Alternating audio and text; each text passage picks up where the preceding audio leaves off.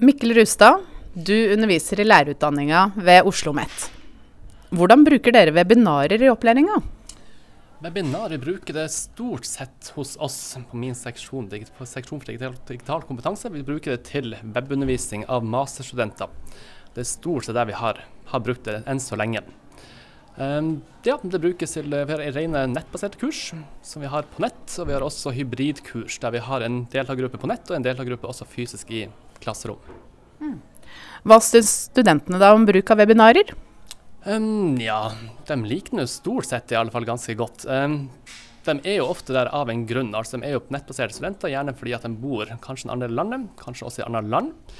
Uh, og sånn sett er det også en praktisk tanke bak det. Så de liker det nok godt, men det er ikke alle som har muligheten heller til å reise inn til samling hver uke. Nei. Hva er de største utfordringene med webinarbasert? Eh, rene nettkurs, det er jo altså om det er utfordring for studenter eller lærere, litt forskjellig. Eh, som studenter kan det være vanskelig, kanskje hvis det drar for langt ut og følger godt med. Eh, og da igjen den utfordringa ofte for lærere er å aktivi aktivisere studentene og få dem faktisk til å gjøre noe praktisk arbeid og faktisk få dem til å holde, holde fokus på undervisning.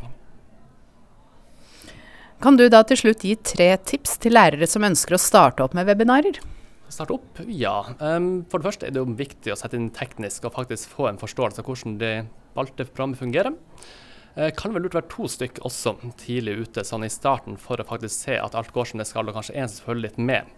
Uh, og hjelpe den andre litt ut, for det er også litt skummelt å kanskje starte opp. Så det er de to beste tipsene jeg har.